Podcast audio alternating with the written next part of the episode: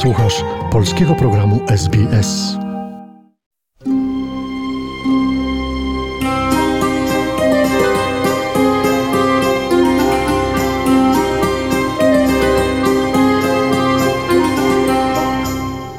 Opowieści Suczki Feli, czyli psiografia.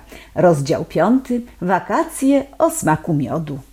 Na pierwsze wspólne wakacje moja pani postanowiła zabrać mnie w góry.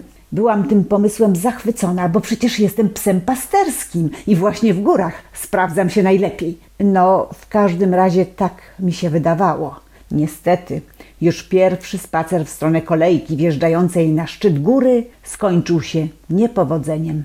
Okazało się, że pomimo zakupionego biletu nie mogę tak jak normalny człowiek wsiąść do wagonika, bo nie mam kagańca.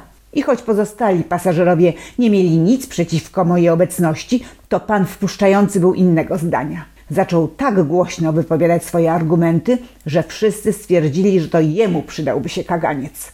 Jednak nie ma tego złego, co by na dobre nie wyszło, bo dzięki nieubłaganym przepisom mogłyśmy się wspinać po stromej górze. Moja pani, co prawda, pomyliła drogę i wejście na szczyt zajęło nam trzy godziny, ale ja nie byłam tym zmartwiona. Po drodze było kilka źródełek i można było uzupełnić wypocone z organizmu płyny. W pewnym momencie pani troszkę zaczęła się niepokoić, bo na niebie zobaczyła czarne chmury zwiastujące nadchodzącą burzę. Widziałam w jej oczach nawet objawy lekkiej paniki, więc wytężyłam swoje nozdrza i wyczułam charakterystyczny zapach potu i alkoholu. Pobiegłam w odpowiednim kierunku i szczekając zawołałam moją panią. Półżywa doczołgała się do miejsca, gdzie odpoczywał po trudach poranka jakiś mężczyzna. Wyglądał dość zabawnie, bo częściowo przebrany był w szary kostium białego misia. Rozbudzony z mocnego snu, na widok moich wyszczerzonych zębów, wskazał natychmiast właściwy kierunek drogi. Po kilku minutach byłyśmy na miejscu. Na szczycie była restauracja, w której podano mi miskę pysznej, schłodzonej wody. Wzbudziłam lekką sensację wśród ludzi.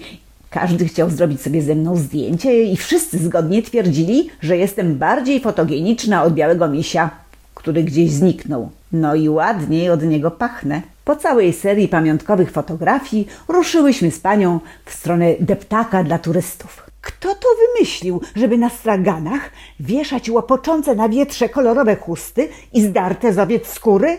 Do tego hałasujące dzwonki, piszczałki i trąbki. Groza! Z przerażenia, że i mnie mogą tam umieścić, wyrwałam się mojej pani i zaczęłam obszczekiwać wszystkie stragany.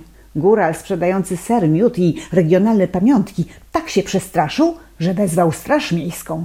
Dobrze, że szybko przyjechali, bo przynajmniej pomogli mojej pani zbierać porozbijane przeze mnie słoiki z miodem. Ale do domu panowie strażnicy niestety nie chcieli nas już odwieźć, więc turlałyśmy się z górki, wysmarowane tym słodkim mazidłem od stóp do głów. Moja pani tym razem trzymała się wyznaczonego szlaku i szczerze mówiąc nie wyglądała na zadowoloną.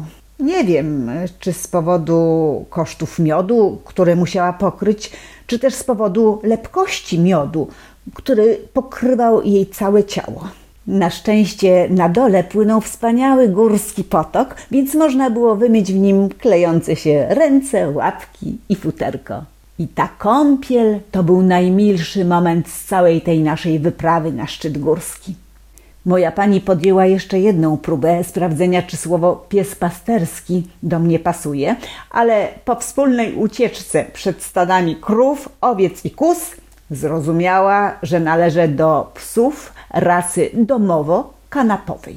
A o tym, jak zostałam psem teatralnym, opowiem Wam w następnym rozdziale.